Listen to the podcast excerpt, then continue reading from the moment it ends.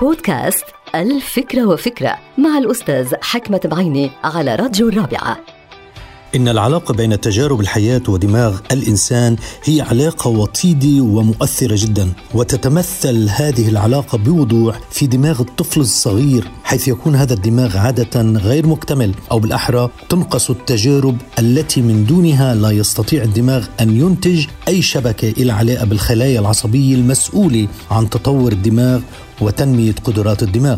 من هالمنطلق بيهتم الأباء والأمهات بتربية أولادهم وحثهم على الانخراط في نشاطات فكرية وجسدية بتساعدهم على مواجهة التحديات الجديدة في الحياة. وهالتحديات بتتحول إلى تجارب جديدة يشعر بها الدماغ فكريا وعصبيا فيستعد لها ويخزنها في الذاكرة من خلال عملية توليد وتنظيم وتطوير شبكات جديدة من الخلايا العصبية. هالاستعداد الفكري منذ الصغر بيساهم في تثبيت ما يسمى بالتفكير المرن flexible thinking والذي يستطيع أن يواجه المشاكل التي تعترض الإنسان بمرونة فكرية لا مثيل لها. المشكلة عند التفكير المرن تتحول إلى تحدي والتحدي يتحول إلى متعة. نعم إن التفكير المرن والناتج عن تعدد التجارب الحياتية ينتج متعة حياتية. وهل هناك أجمل من هذه المتعة؟